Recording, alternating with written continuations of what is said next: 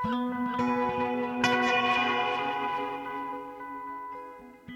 og sæl ágettu hlustendur. Býðsjá heilsar þriðudaginn 16. ágúst. Ég heiti Melkorka Ólafstóttir. Þangar um þögnina, einlagt samtal tvekja djassara og ópera um uppgjör er meðal þess sem verður bóðið upp á í Býðsjá dagsins. Eitt orð getur ofið ævilanga þögn, svo hljóðar undirskrift óperunar þögnin sem síndverður í Tjarnabíói um næstu helgi. Um er að ræða glænýtt íslenskt verk úr smiðju tónskáldsins Helga Raps Ingvarssonar og handritshöfundarins og leikstjórans Árna Kristjánssonar. Við fáum þá félaga í hljóðstofu hér á eftir til þess að ræða verkið, þögnina og já, föðurhlutverkið. En þó svo að þölurinn góði Pétur Gretarsson sé farin í síðbúið sumafrí þá þurfa hlustendur ekki að óttast þögnina á þeim bæ. Í tilefni af yfirstandandi jazzháttíð og útkomu nýra plötu bauð Pétur jazz-píjánuleikaranum, tónhöfundinum og flautuleikaranum Kristjáni Tryggva Martinsinni til sín í þularklefan. Við heyrum spjall þeirra félaga síðar í þessum þætti. En byrjum á því að huga að myndlist.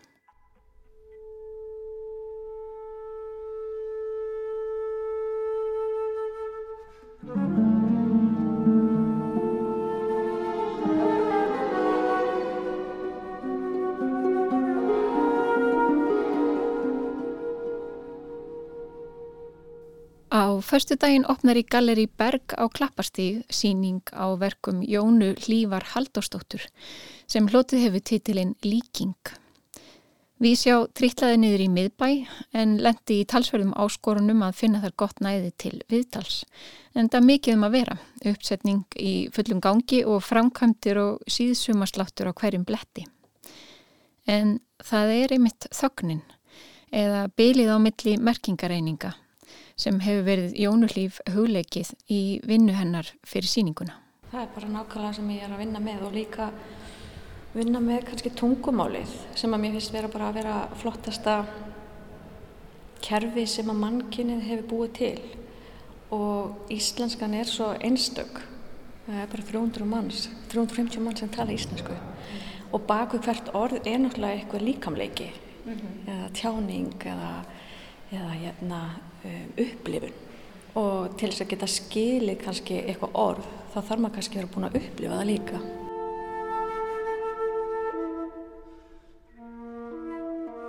Um, í þessari síningu þá er ég að vinna með óþýðanleg orð eða illþýðanleg. Og setja þér á myndir sem að í fyrstu þá heldur þess að myndir séu teknar á Íslandi. Og hausin fyrir strax bara já, er þetta fyrir austan eða er þetta fyrir vestan?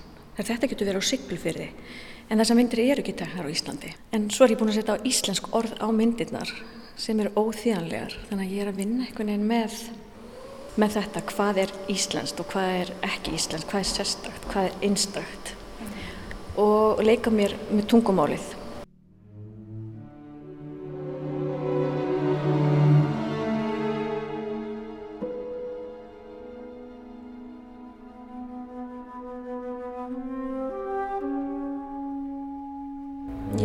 Mikið að nota orð um, sem lýsa að lifa, eða rétt lifa af Það er líka til ótrúlega falli orð um nara, hanga, hjara, steira, blakta og skari. Þetta er allt orð sem að lýsa að rétt að geta lifað af. Já, ég fór svolítið svona, ég var að rannsaka orð sem er óþýðanleg og svo enda ég með að velja þessi orð. Og ég fór líka að hugsa svo mikið, við búum, við lifum tímum þar sem að margir eru bara rétt að lifa af. Stríði Úkraníu, um, heimsfaraldurinn og það sem er að koma skal bara í umhverfismálum og, og mér fannst þetta eitthvað kalla til mín og eiga við samtíman. Það er þarna eitt verk á síningunni um, setningin allt hefur merkingu, ekkert hefur þýðingu. Þetta er svona sorgleg, sorgleg yfirlýsing svolítið. Það... Já, en sama tíma er svolítið falleg. Mér finnst allt hafa merkingu. Um, allt sem við gerum, segjum, umhverfisbórin, allt sem við gerum í lífinu það hefur einhverja merkingu en í rauninni hefur ekkert þýðingu. Ég er líka leika mér með þetta, þetta er það sem að húmor í þessu líka. Mm -hmm. En það sem er ekki þýðanlegt er kannski eitthvað sem er ósegjanlegt. Og kannski mm. svolítið fyrir eftir viðkomandi mannesku hvernig hún upplifir Já. merkinguna. Já, Já. það er einstakleiksbundi, algjörlega.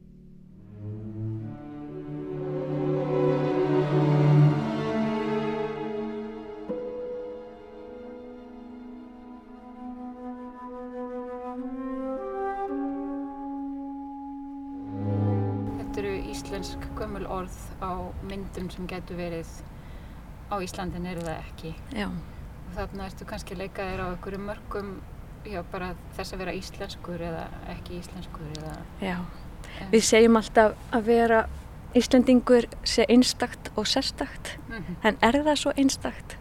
Eru við einstök? Og við erum alltaf að tala um að við höfum, höfum svo frábara náttúru, hún er svo einstök eins og er þessi náttúra út um allt, hún er líka á Norðurlöndum og við eigum staði út í heimi sem að bara eru nákvæmlega eins þannig að við erum kannski ekkert svo einstök eftir allt saman. En á sama tíma finnst við tungumáli mjög einstakt og mjög sérstakt mm -hmm. og mjög fá sem tala íslensku. Og ég tel að vera mjög mikilvægt að halda í íslenskuna því að ég tel að hún sé sálinn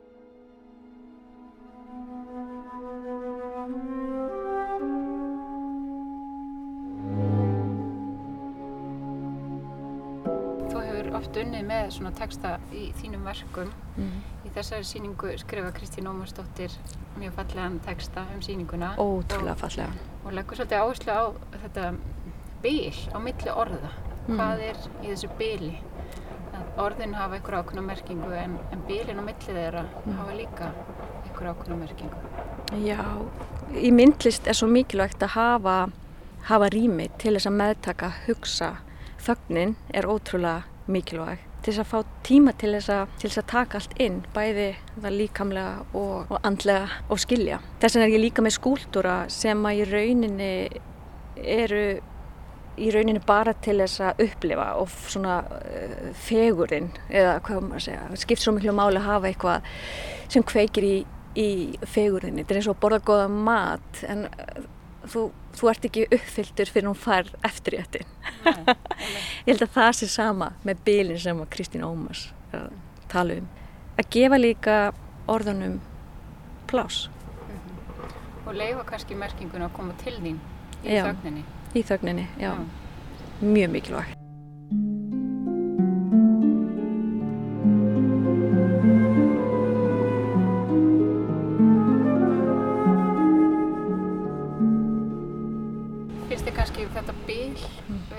ennþá mikilvægara svona í polaríseriðu samfélagi að við gerum okkur grein fyrir þessu byli? Já, ég held það. Er það byli ekki bara að vera um, að gefa öllum svigrum og, og leifa öllum að vera eins og þeir vilja vera og ekki, ekki ákveða eitthvað fyrirfram. Mér finnst þetta byl kannski vera, finn ég ekki orðið, en mér finnst þetta byl vera svigrum fyrir það óþægta, kannski.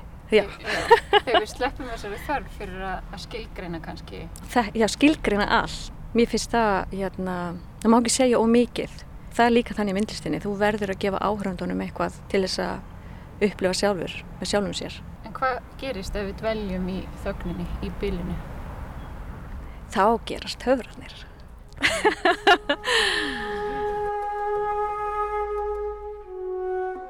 Þessi síning, hún opna núna á fyrstu daginn. Já, klukkan 5. Allir velkomnir. Er hún líka eða ólík eða skild eða því sem þú hefur áður gert? Já, ég er í raunin að vinna áfram með þetta þema um, eins og ég gerði á Akureyri. Ég var með síningu Lísafnin á Akureyri fyrir tveim árum síðan sem hétt meirinn þúsund orð.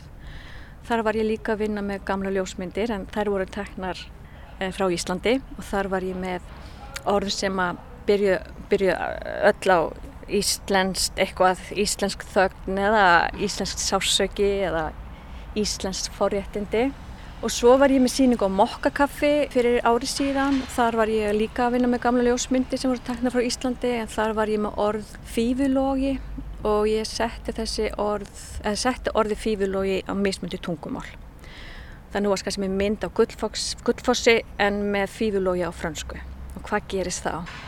Upplifir íslenska náttúru á annan hátt á öðru tungumáli. Þannig að þetta er í rauninni þríleikur og þetta er þriðja og síðasta síningin sem ég er að vinna með gamla ljósmyndir og íslensk orð eða já, orð. Þannig að þetta er áframhaldandi en ég er líka að vinna aðeins nýtt núna og þetta er aðeins starra en á akkurýri og aðeins meira og ég er að fara aðeins dýbra inn í konseptið.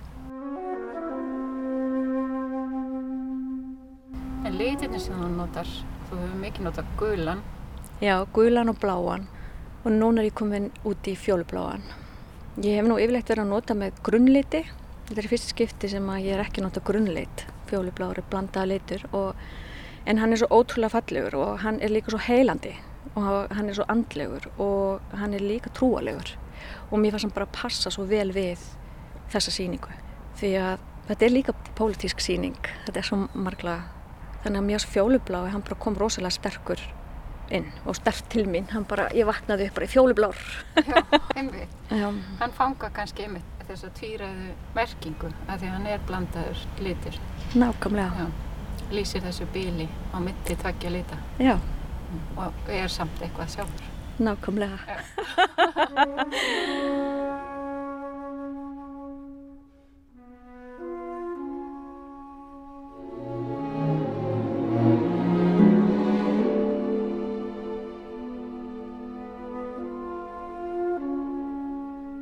Mér finnst hérna þögnin ótrúlega mikilvæg í nútíma samfélagi.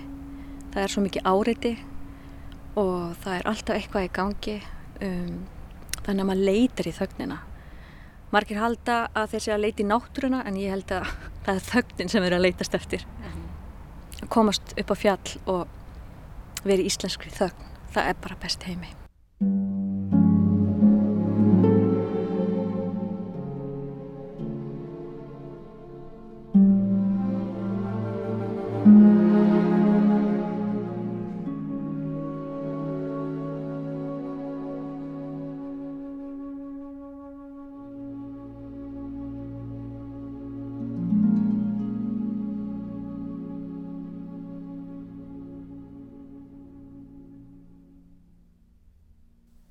Viðsjá tók púlsinn á myndlistakonunni Jónu Hlýf Haldársdóttur en síning hennar Líking verður opnuð nú á festu dag í Galeri Berg á Klapparstík. Við heyrðum líka broturverki japanska tónskáldsins Toru Takumitsu. Þögnin er hún með mitt hugleikin eða öllu heldur japanska hugtakið ma sem lýsi beilinu á milli þess sem er. En nú stendur jazzháttíð yfir með fullu fjöri og úr fjölbreyttri flóru jazz tónleika að velja fyrir þá sem unna og áhuga hafa. Jazzgegjari Ríkisútafsins settist niður með félagasínum Kristjáni Tryggva Martinsinni og rætti við hann um nýjútkomna plötu, Stökk.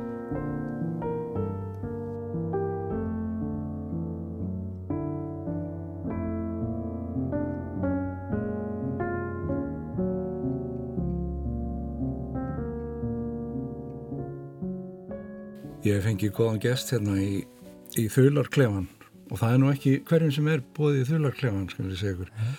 Kristján Tryggvi Martinsson, tónlistamæður, bíónuleikari, flautuleikari, harmonikuleikari.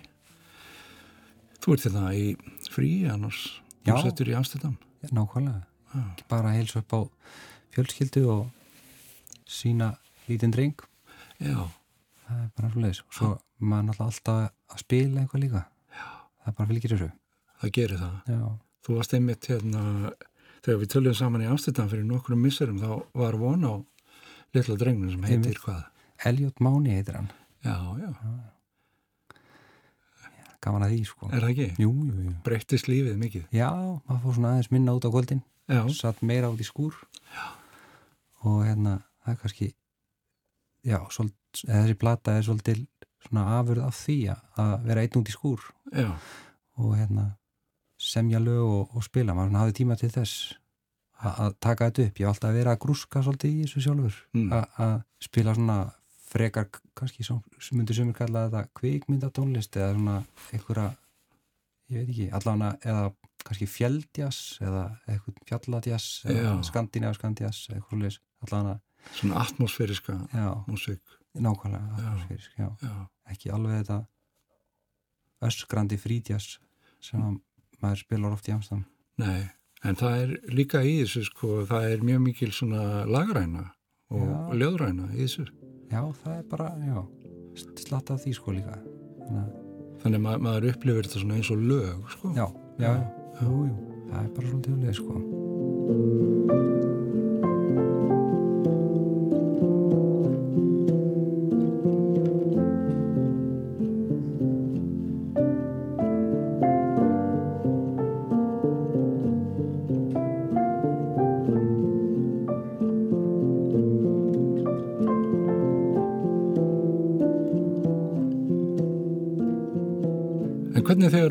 Þetta til, ertu þá þarftu mikið að slípa það til þess að ná í þangað eða, Nei, þetta er yfirleitt sko, ég, er ég bara eitthvað að spila og improvisera og svo tekur maður eitthvað upp og kannski byggir ofan á það eða, býr eitthvað til sko. já, En já, ég held að sko, ef maður er að spila mjög ólagrana mút tónlist eða, eða nútíma tónlist mikið, þá þarf maður veginn að hafa átlegt fyrir, fyrir eitthvað annað, finnst mér sko. mm, Og þetta veginn flæði bara út svona. Já. Já, ég kannast aðeins við þetta með, með hérna, sko, svona flæðið, hvert það fer, að finnur nú all tónlist sér einhvern farveg. Já, einmitt. En hvernig upplifur einhverja smitun á milli? Ritskoðar þig mikið? Er, er svona, nú er það mikil frjálstas. Já, það er svona svolítið sko, ég reynir samt að sko að þetta ekkit of mikið, það má alveg flæða svolítið á milli sko, Mm, en auðvitað er, er maður samt gaggrinn á sjálfa sig og, og svona skoða þetta, já. en það er ágætt að hafa bara í hói. En sko, platan heitir Stökk Já. og þetta er svona þetta íslenska orðið stökk, að stökkva, þetta er ekki að vera stökk. Nei, nei, Ah. nei, nei, nei. Enska. Eh, Nákvæmlega. Já, Nei, það er náttúrulega að skrifa eins og íslensku, það er rétt. já, Já, nei, nei, þetta er bara einhvern veginn stökk í aðra átt eða eitthvað svo leið, sko. já, Ekki alveg í djassinum eða, eða í spunanum eins mikið og það sem ég verið að gera áður. einmitt. Þú varst að tala með það árum við byrjum að taka upp hvernig þetta væri skilgreint. Já, Hvað, hvað finnst þér svona e, e, almennt um það, sko? Er ekki bara þessi tími liðin?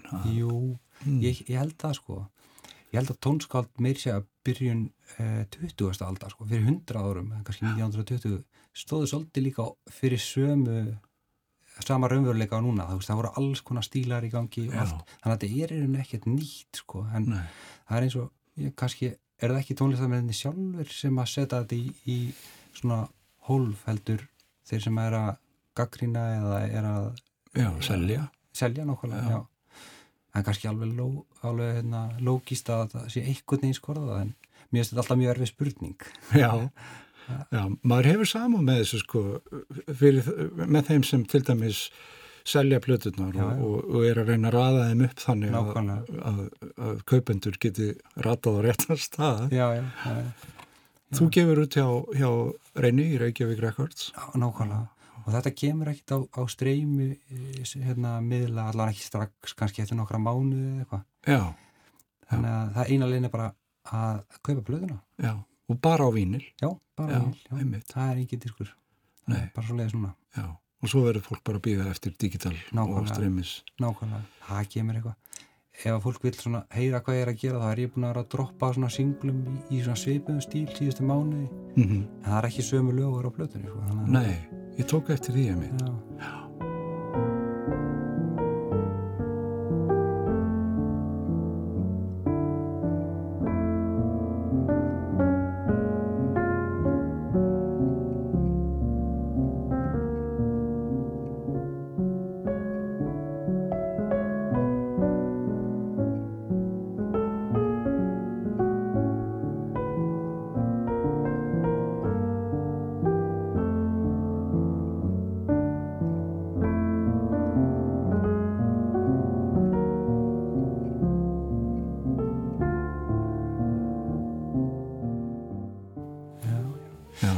þetta er bara, virðist vera komið aldrei mikið til að vera. Erum við, að, erum við bara að endurvekja hið, hið, hérna, ég, ég eru alltaf að segja það, sko, hið óaðgengilega form vínilsins.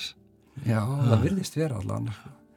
maður bara ke- kemur ef maður kemur inn í hérna, tónlistar eða plötubúður í, í um allan eigum það er eiginlega sko, bara vínilplötur já.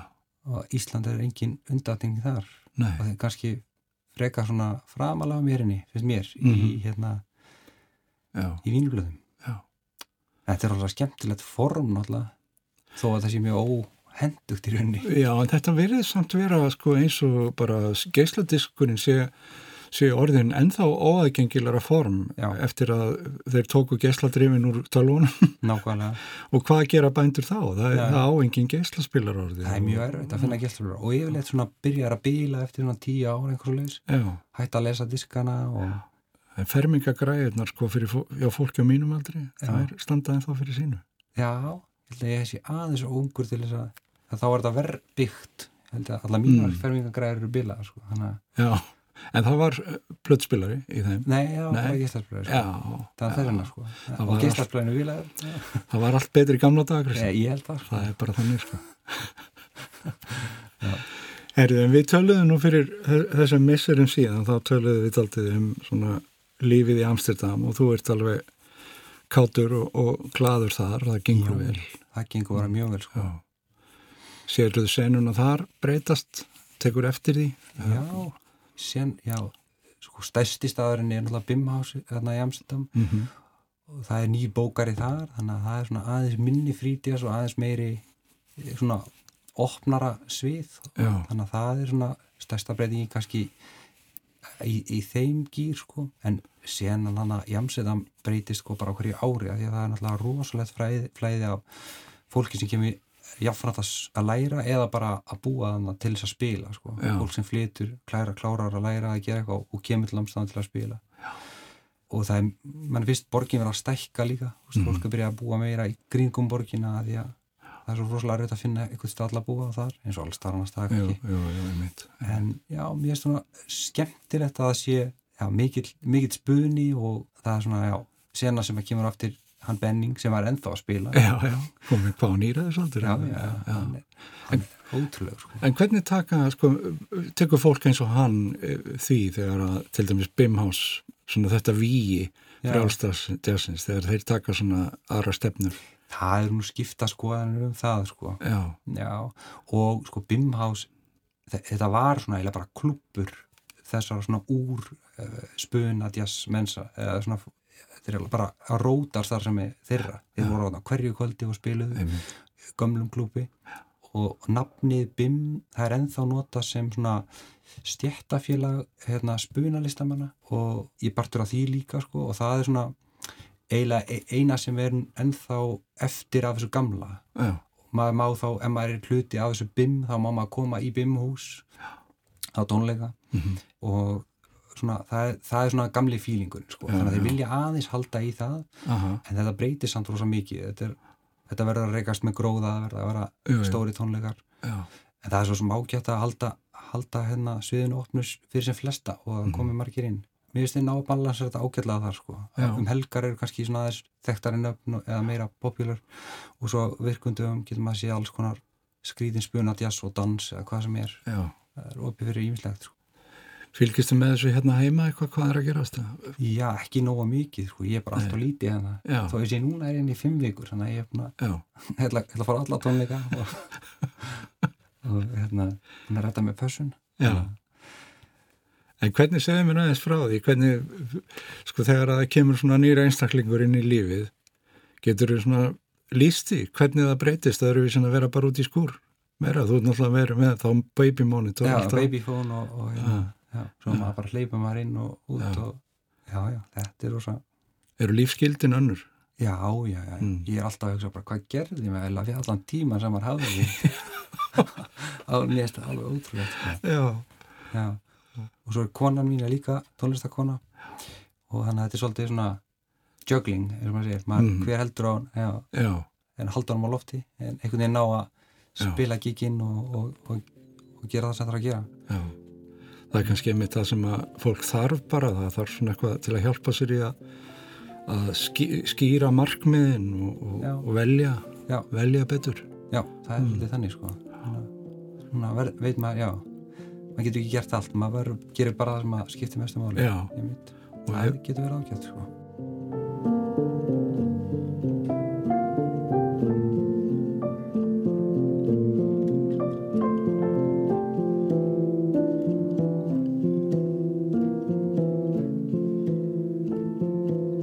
tek, tekst að, að vinsa úr svona það sem skiptir í minnamáli og, og halda hinnu? Já, ég held það, bara gengur ágjörlega sko. Mm. Það er hérna, já, svona alltaf eitthvað smá kennsla í bland og það getur verið gaman sko. Ég er að kenna hana í konservatorinu í Utrekt næstu önn, það verður rosalega kemtilegt. Það er frábær hérna, til dæla ný hérna uh, deild sem er ekki jazz og ekki klassík og ekki pop. Já, Þetta já. er Musician 3.0, það er svolítið skrítið nafn kannski, já, en þeir eru markmið dildan er að kenna, kenna sagt, á hljóðari án stíls Já.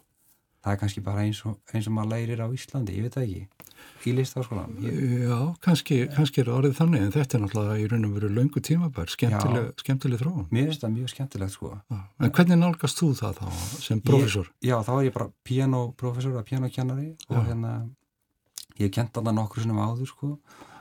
Og maður getur verið að kenna einhverjum að spila Mozart og svo er næsti að spila eitthvað bebop. Og í rauninni reynir maður að kenna þeim bara á piano, að spila á piano. Og, þeir, og já, fólki sem kemur í tíma bara já, læra tækni og, og reyna svona að binda það ekki við eitt stíl. Uh -huh. og reyna að svona, uh, sína þeim allavega sem, sem flesta stíla. Og er nota það sem þau hafa áhuga á til þess að koma mm. þeim áfram, koma maður rétt spór sko. Þetta, þetta er fólk sem er sko, er þetta, er þetta mjög ung? Þetta, þetta er ekki byrjundur? Nei, nei, þetta er 19 ára. Já, já, þetta, þetta er framhansnefndur. Já, þetta er bara er henni, sko, þeir eru með eh, svona bachelor og masterskráð, sko. Já, þannig að þú, þú gerir ráð fyrir því að þau viti svona hvert þau vilja stefna. Já, já, já, já, já, algjörlega, sko.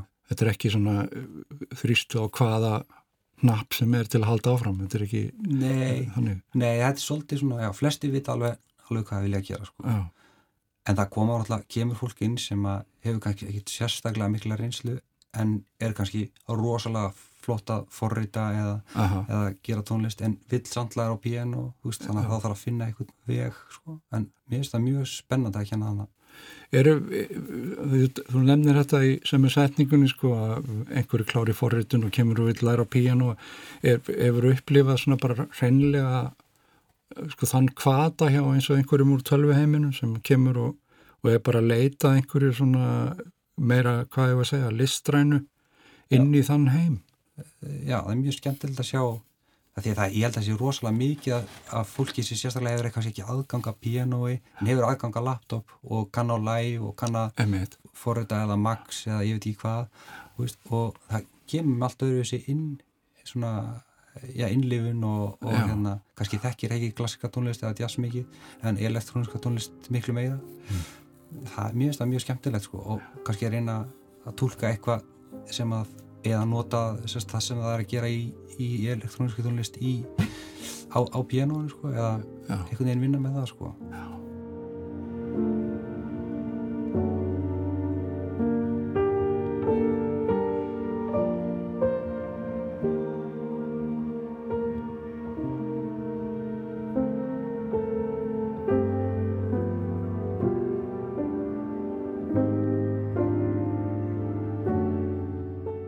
Þú læðir nú inn í þína músik, pínu elektrónik. Já, mm. já, já, það er gaman að gera það sko. Já, eðlulegur hluti af framvendinni. Já, það er svolítið þannig sko. Mér finnst alltaf, mjög, alltaf, þetta skemmt er þetta fyrst í tölvum og, og vesenast í því sko. Við vorum að tala um það að það, það væri svo sko langur bygglistinn þegar maður framleiðir nýja vínulflutu að, að þetta núna, þetta voru nokkura mánuða gamalt já, verkefni. Einmitt. Já, þetta er alveg ég held að masterinn hafi verið klár fyrir hann ári síðan. Eða tæpa ári síðan. Þetta er rosalega langt ferli að brenda blötu núna, Já. að pressa blötu segir maður. Já, ég veit Það er ótrúlega Ertu þá, sko ég gerur bara ráð fyrir að sér komin að kafi í annað. Já, já, já. Maður heldur bara áram, sko. Hvað er næst? Ég veit ekki, sko. Nei. Ég vil ekki lofa neinu, sko Þú ætlar ekki að skupa henni eða? Mm. Það, ég er með eitthvað meira svona stöð á honinum sko. ég, þetta bara flæðir nú út sko. þannig að ég held bara áfram að gera einhvað þetta, kannski sapna í blötu eða droppa einhverjum sing, singlum eins og maður segir, ég veit hvað maður segir já, já. Það, en að þessum hljóðveitum finnst það skemmtilegt, heyri maður Já, að fá eitt og eitt lag Já, að fá eitt og eitt lag og svona sagt svona festi Ég hef nú ekki upplifað að það sé mikil uppskeraði Nei Það er kannski í staðan fyrir að hlusti tveir á, á mann það var komið upp í 500 eða 1000 Já, einmitt. þetta er, já, það er svona, gaman að, að maður sjá að það sé einhver að hlusta á mann einhver staðar á öðrum enda um síns Það er fló, flóknar að tryggja tekinar að því. Já, það er nefnilega mm. það, er það sko. en það er svo sem við, við erum alveg fyrir því sem tónlistafólk sko, að við þurfum að vera svolítið kreatív á öllum Einmitt. frontum, ja, öllum, já, öllum vikstöðum öllum vikstöðum já, þetta er, þetta er þetta, bara við erum bara þar stödd, sko, hlutirnir breytast og, og það er nú einn ágættum aður hér í íslenskri útgóðu starfsemi sem að sagði, sko, það, það er engin að reyna að berjast gegn því að þetta breytist, þetta bara breytist svo rætt þeim sem er að fást við það, þeim gerst ekki tækifæri til þess að breyðast við. Nei, og svo þegar er loksins breyðast við, þá er bara komið nýtt format og ja og nýr veruleiki. Já, já þetta er alveg ótrúlega En ég heyra að þú ert, ert björnsinn en það engin ástæðl annars. Platan er frábær og, og hún verður á, á tónleikum á, á fymtu dag í, í, á Jazzatið í fríkirkjunni. það er 12, þetta er háttegistónleikar Háttegistónleikar og frábært piano þar. Já, alveg snild, hlaka mikið spila það sko. Já, ég trúi því að gott að hlusta og spila í, í fríkirkjunni. Takk fyrir komina Kristján Tryggvi Martinsson skulum fá einn eitthvað af stökk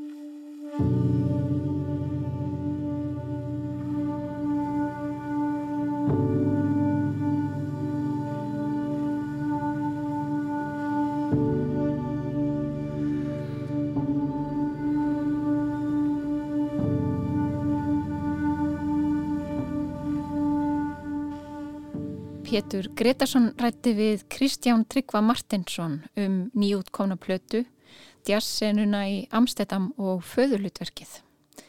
Og við tökum á móti fleiri ungum feðurum í Víðsjá dagsins og snúum okkur aftur að þögninni.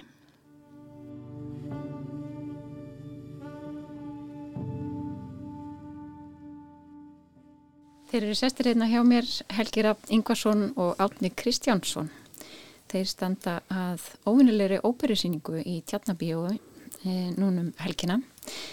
Þögnin ópera. Getið sagt mér aðeins frá þessu verkefni?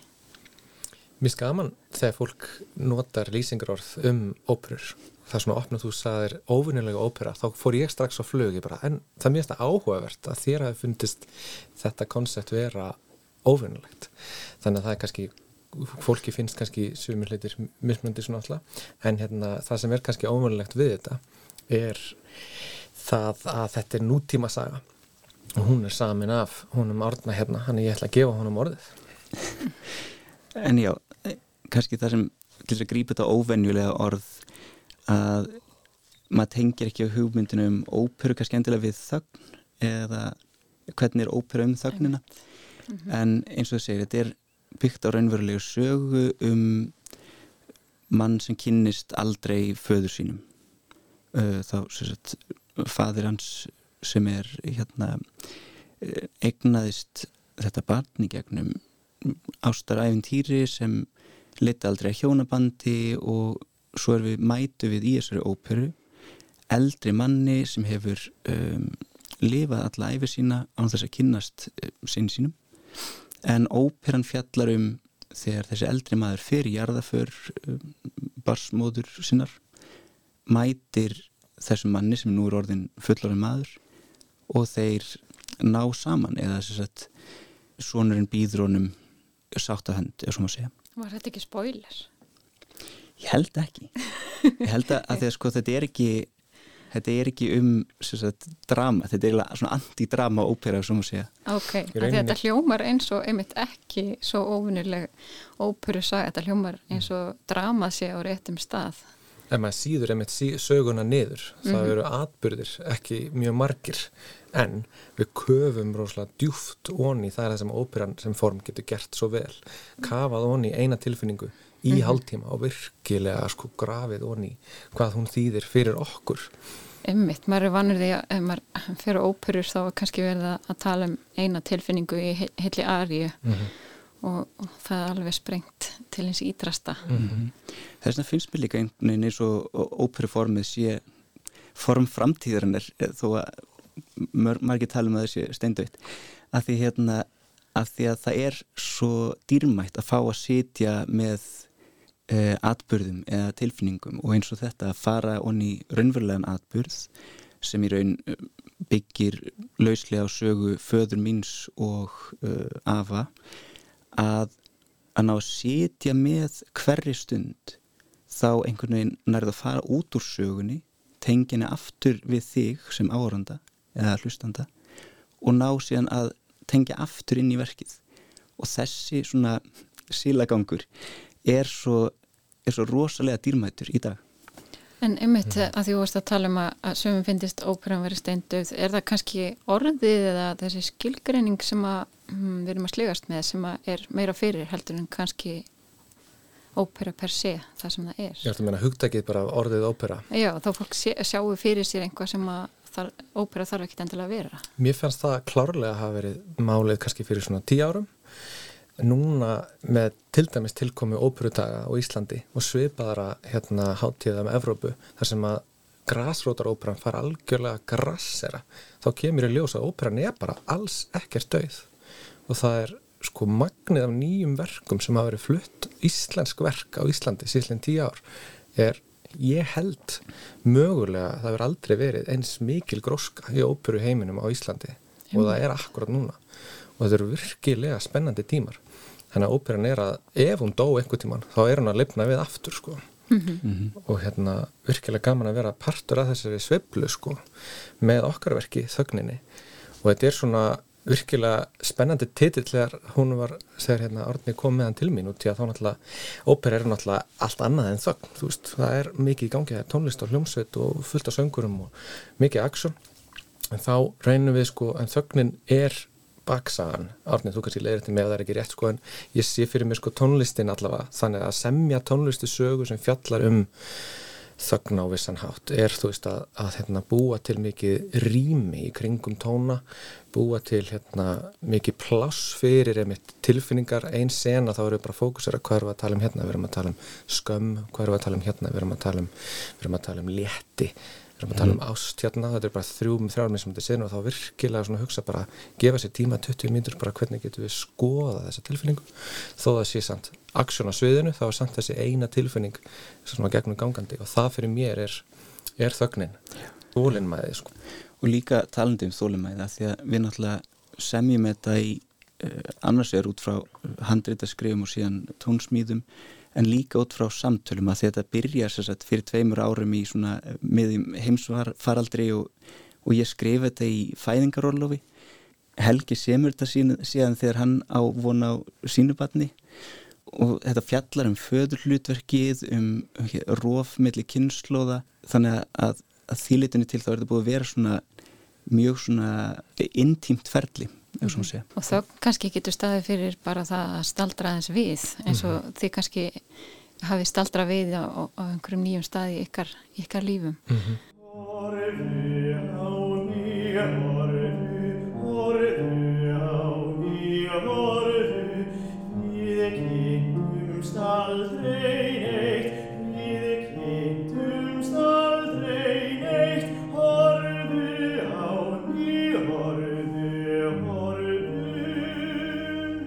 Þögnin getur verið eitthvað sem við leitum í eins og karakterinn, aðalkarakterinn í ykkar verki. Leitar í þögnina en þögn getur líka verið eitthvað sem við forðumst.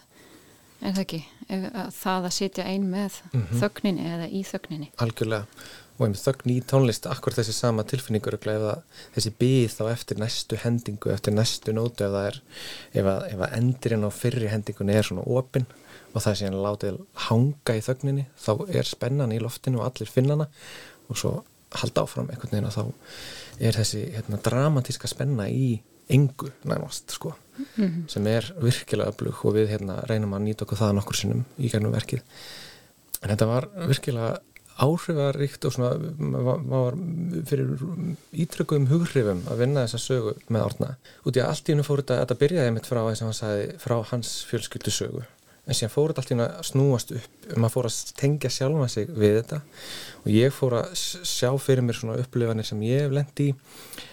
Hvaða var það þögn? Þú veist maður er hérna í í samskiptum við annað fólk og maður vill, þú veist, tengjast við það og til mann er þetta ekki vænt um það. En það er einhvern veginn orðin, einhver svona veggur á millokkar og engin veit af hverju. Mm -hmm. og það, maður veit ekki alveg hvar maður á að taka næsta skref til þess að geta brotið hennar vegg. Og það vilja kannski báðir aðlar gera það en það samt gerist ekki, þetta er algjörlega óútskýranlegt stundum. Og þessi svona fyrir mér struktúrin eh, í þessari óperu snýst algjörlega um þetta móment þegar þessi veggur er síðan brotin niður. Þar er mm -hmm. klímaksin í óperunni. Það sem að hendin fer í gegnum veggin og þeir loksins það er sjens að þeir nái að tala saman sonurinn og fadurinn eftir ævilanga þögg en munu þeir halda því við munu þeir virkilega taka skrefið þó það sé búið að brotna sko mm -hmm. það, er, það hangir svolítið í loftinu og er svolítið dramatist sko Þannig að þetta er svona ósérrætt kannski líka bara um tengsl og samskipti að því að svo er líka talað um að tveir aðlar eru virkilega nánir þegar þeir geta bara setið í þögn mm -hmm. saman þannig að mm -hmm. það er svona það er líka svona eðli þagnarinnar mm -hmm. en það ekki en hvernig er það fyrir tvo unga menn að, að, hérna, Ó, að vinna með sögu um mann svona í hári elli? Það er virkilega góð spurning. Já, ég held við séum mjög gamla sálir báðið tveir sko, það veginn, var mjög auðvelt fyrir í það minnsta mig að setja mig í þannan hugarheim sko, hvað, hvað gerist eftir að lífið hefur verið lifað og maður er svona já og svo kannski hef ég líka bara mjög lengi umgengist eldra fólk bara alveg frá því ég var bann þannig ég er kannski svolítið svona gammal bara í mér. En svo er þetta líka einhvern veginn þema um hvernig maður mætir nútímanum og maður líður ekki eins og maður eigi heimaðar lengur. Þannig að það var eiginlega svolítið svona það sem ég var að kanna með, með þessari eldri mannesku inn í einhvern veginn eh, hluti af óperunir til dæmis bílferð og það að keira og hlusta á útvarsauglýsingar mm. sem fyrst, það, þá mæti maður einhvern veginn því að horfa á nútíman bara frá öðru auga sem er mjög spennandi.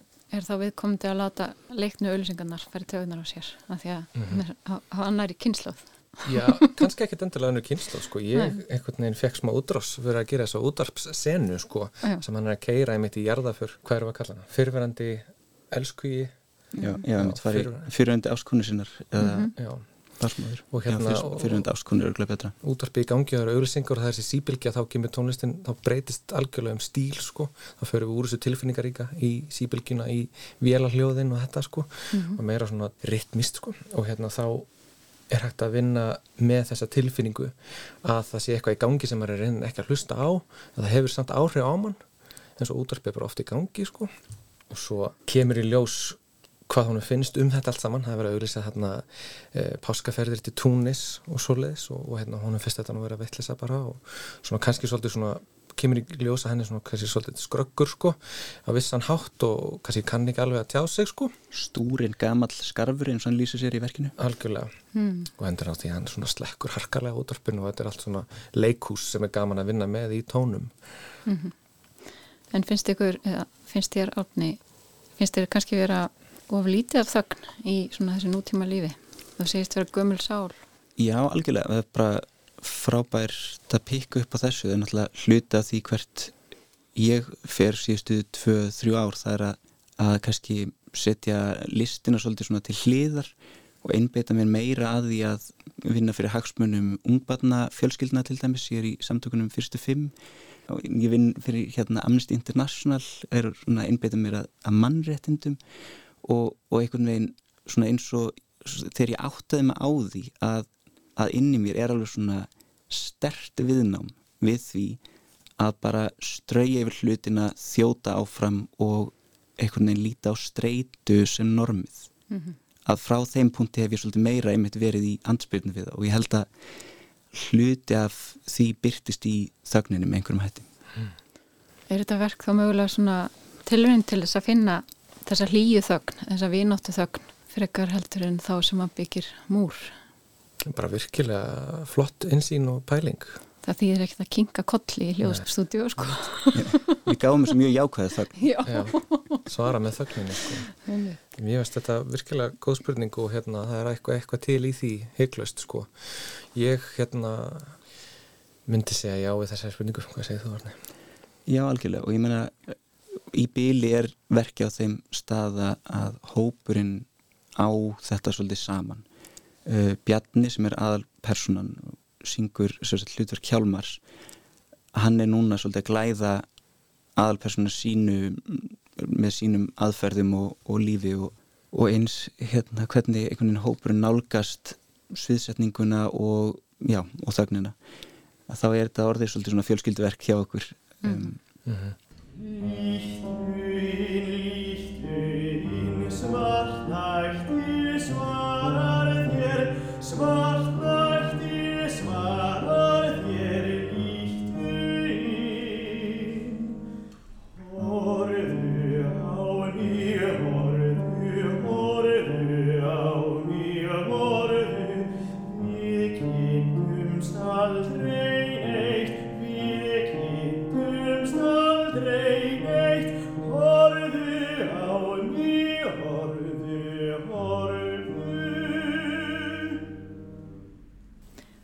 Hverjir eru í, í hinnu hluturkunum?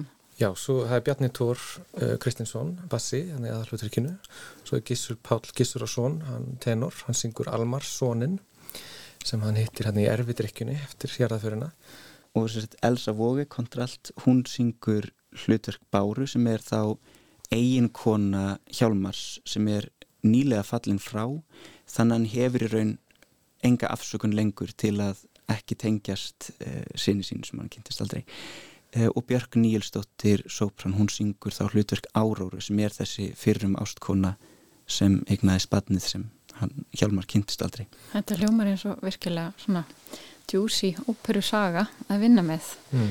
og hvernig hefur þetta ferli verið?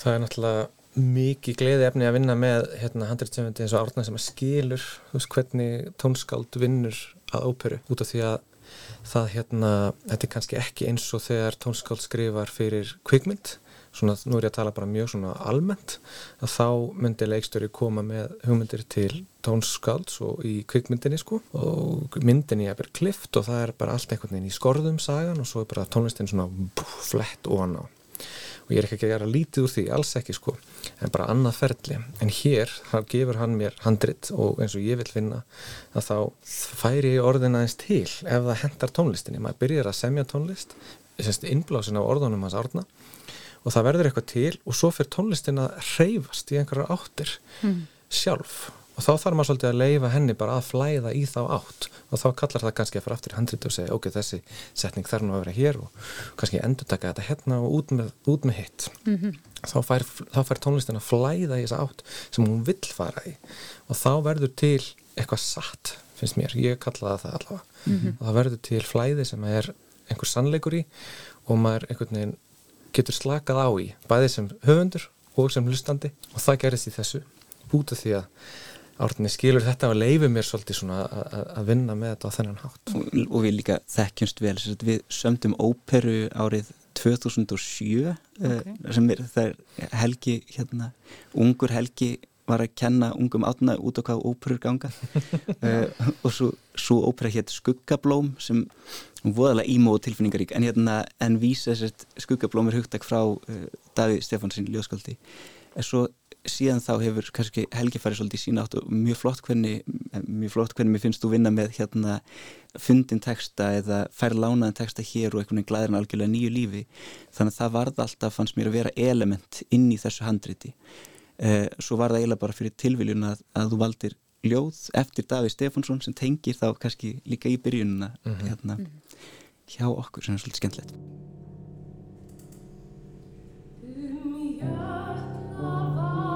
Christi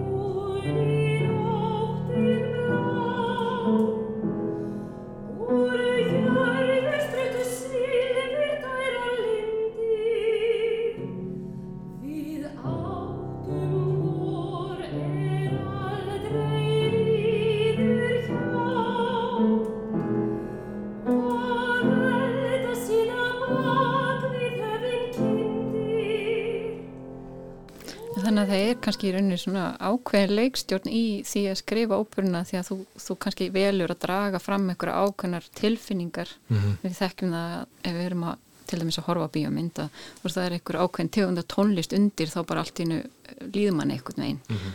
þannig að þú hefur þetta vald að draga fram tilfinningarnar í senunni Já, Já.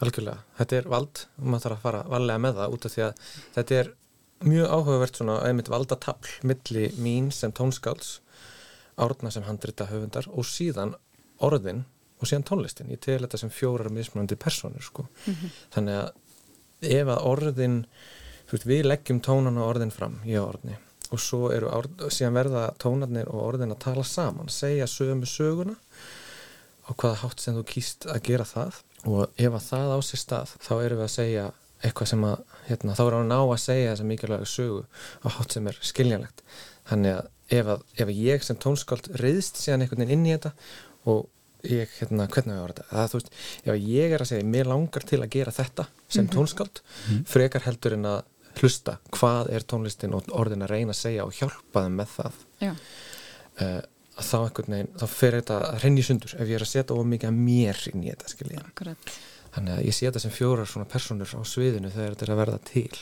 Þið getið báðir nýtt ykkar nýju feðra næmni til þess að skinja all, þetta allt saman og tala saman. Mm -hmm. Já, það er, það er alveg aukist sko, hérna, maður er alveg me meira reyð sko, það er alveg hygglust hérna, ég var að kenna masterclass í söng í Svíþjóðum síðustu helgi og það er söngdansk söngkona hérna hvert örstuðt spór ég er bara klökkuð að hugsa um þetta sko hún gerir það alveg gífulega fallega og ég gæti alltaf leiðbendinni, ég kom alltaf upp orðið þetta snerti mér svo mikið sem er sönglag eftir Jón Nordahl sem að uh, ljóð Lagsnes sem að hérna, fjallar um akkur þessa tilfinningu að eiga nýtt barn og að það sé svona, svona augnablík sem að sem að flýtur hratt hjá en er svo fallegt þegar það ásist að. Mm, það er þessi viðkomi moment í upphafi lífsins og, mm -hmm. og endalókum sem þið eru að taka utanum þessa dagana. Mm -hmm. Og óperan Þögnin, hún verður sínd í Tjarnabíói. Hvernig er frumsýning? Frumsýning er förstu daginn 19. ágúst. Svo eru tvær síningar degi síðar á menninganótt.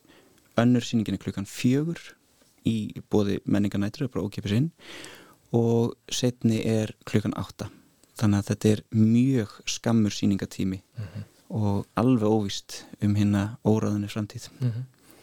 Já, þá er vonandi að sem flestir kveiki á að, að sjá og heyra þögnina. Og mann vil ekki missa þögninni sko.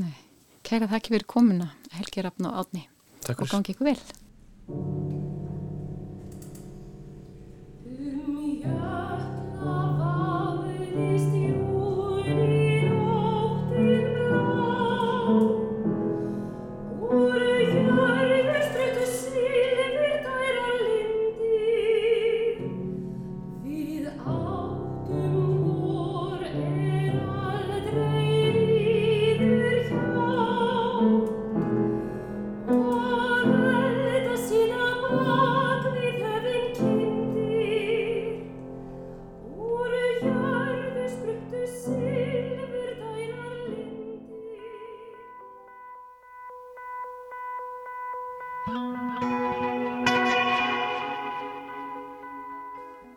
heyrðum brot úr óperunni Þögnin sem sínt verður í Tjarnabíói um helgina og með því hveður við sjá að sinni. Verðið sæl.